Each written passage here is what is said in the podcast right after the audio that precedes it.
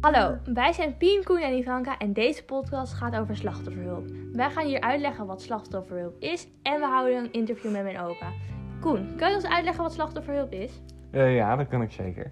Uh, slachtofferhulp bestaat al sinds 1984. Nadat mensen meer gingen nadenken over de slachtoffers in plaats van alleen maar de crimineel. Ivanka, kan jij wat verder vertellen? Ja, tuurlijk. Uh, slachtofferhulp is bedoeld voor de mensen die iets hebben meegemaakt, zoals geweld, waar ze nog steeds last van hebben. Of bijvoorbeeld als ze getuigen zijn geweest van een ernstig ongeluk. De mensen die bij slachtofferhulp werken, helpen je om deze gebeurtenissen te verwerken. Ze helpen met het omgaan met mogelijk opgelopen PTSD. Een ziekte waar je vooral angst hebt. Eigenlijk heb je dan gewoon een trauma. Je kan ook appen met iemand van slachtofferhulp en je trauma dan bespreken. Wij hebben een interview gehouden met de opa van Pien en hij heeft zelf bij uh, slachtofferhulp gewerkt. Waarom heb je, wilde je hier graag bij werken? Wat een goeie van jou. Wat een hele goeie van jou. Ga ik jou precies vertellen.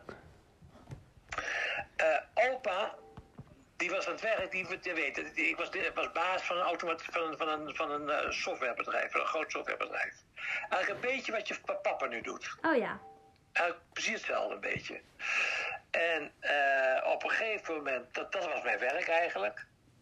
Maar op een gegeven moment uh, reed ik met oma, en dat is nu 23 jaar geleden, reed, reed ik op de snelweg. Toen woonden wij nog in Noordwijkerhout. Dat heb je wel eens van gehoord, denk ik. Ja. bij, in het westen, hè, bij Noordwijk. En toen reden we op de snelweg en toen kregen we een heel zwaar auto-ongeluk. Oh. En toen is er een vrachtwagen op ons ingereden. Echt? In, in 1998. En daar was ik heel slecht aan toe. Uh, oh. Gebroken ribben, uh, beschadigingen in de nieren, noem alles maar op. Toen is er trauma dingen ook gekomen om er helemaal uit te halen en alles. En uh, toen was ik thuis gekomen weer.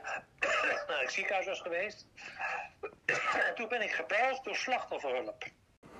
Nou, um, bedankt voor het interview.